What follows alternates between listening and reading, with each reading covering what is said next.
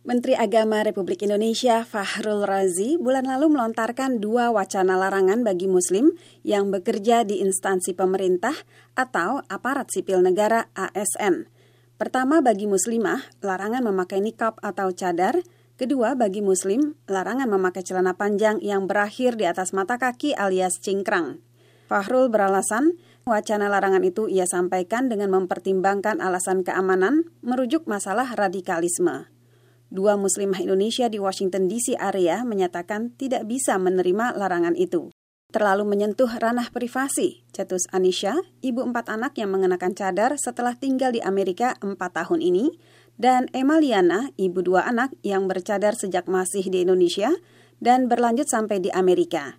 Bagi Anisha, sangat memprihatinkan. Baik Anisha maupun Emma tidak pernah menjadi aparat sipil atau pegawai negeri, tetapi keduanya pernah bekerja ketika masih di Jakarta bagi Anisha, di Palembang bagi Emma.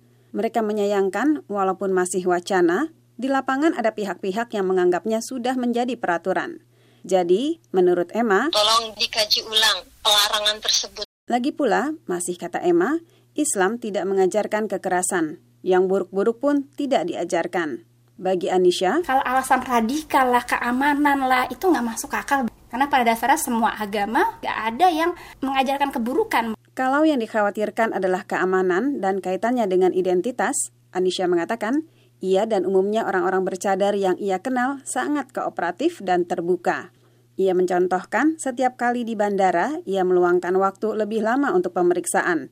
Ia bersedia masuk ruang khusus dan membuka cadar supaya petugas bisa mencocokkan wajahnya dengan foto yang ada pada paspor atau kartu identitas. Kalau di institusi pemerintah dan orang itu adalah pegawai, lanjut Anisha. Sebelum kita melamar tuh kan mereka udah melihat identitas kita, wawancara, foto kita semua udah. Maksudnya tiap hari harus dicek. Dengan suara aja dia bisa mengenali kita gitu ya. Kalau emang harus cek tiap hari ya nggak masalah. Tidak perlu dilarang lah intinya gitu loh. Intinya, Anisha menekankan ada langkah-langkah yang bisa dilakukan kalau demi keamanan, sehingga tidak perlu ada larangan yang menurutnya malah meresahkan. Ia menyayangkan wacana itu dicetuskan oleh Muslim di negara yang mayoritas penduduknya beragama Islam.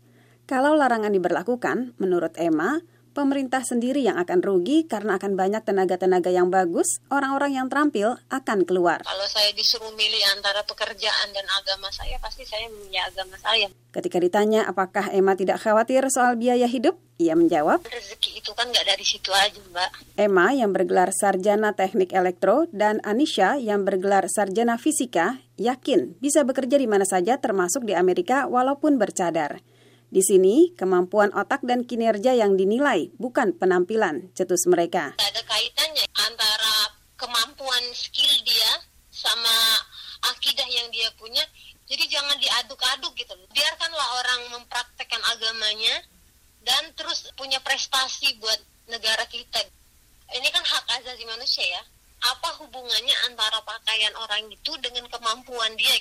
Pemerintah sendiri yang bakal rugi kalau ada orang yang berprestasi sampai keluar karena mempertahankan keyakinan yang dia punya gitu loh. Lalu apa tanggapan Muslim terhadap wacana larangan bercelana cingkrang? Angga Pradesha, seorang peneliti yang bekerja di Washington DC, hanya tertawa. Ia akrab dengan celana cingkrang walaupun tidak selalu mengenakannya. Ia menggulung bagian bawah celananya setiap kali akan sholat.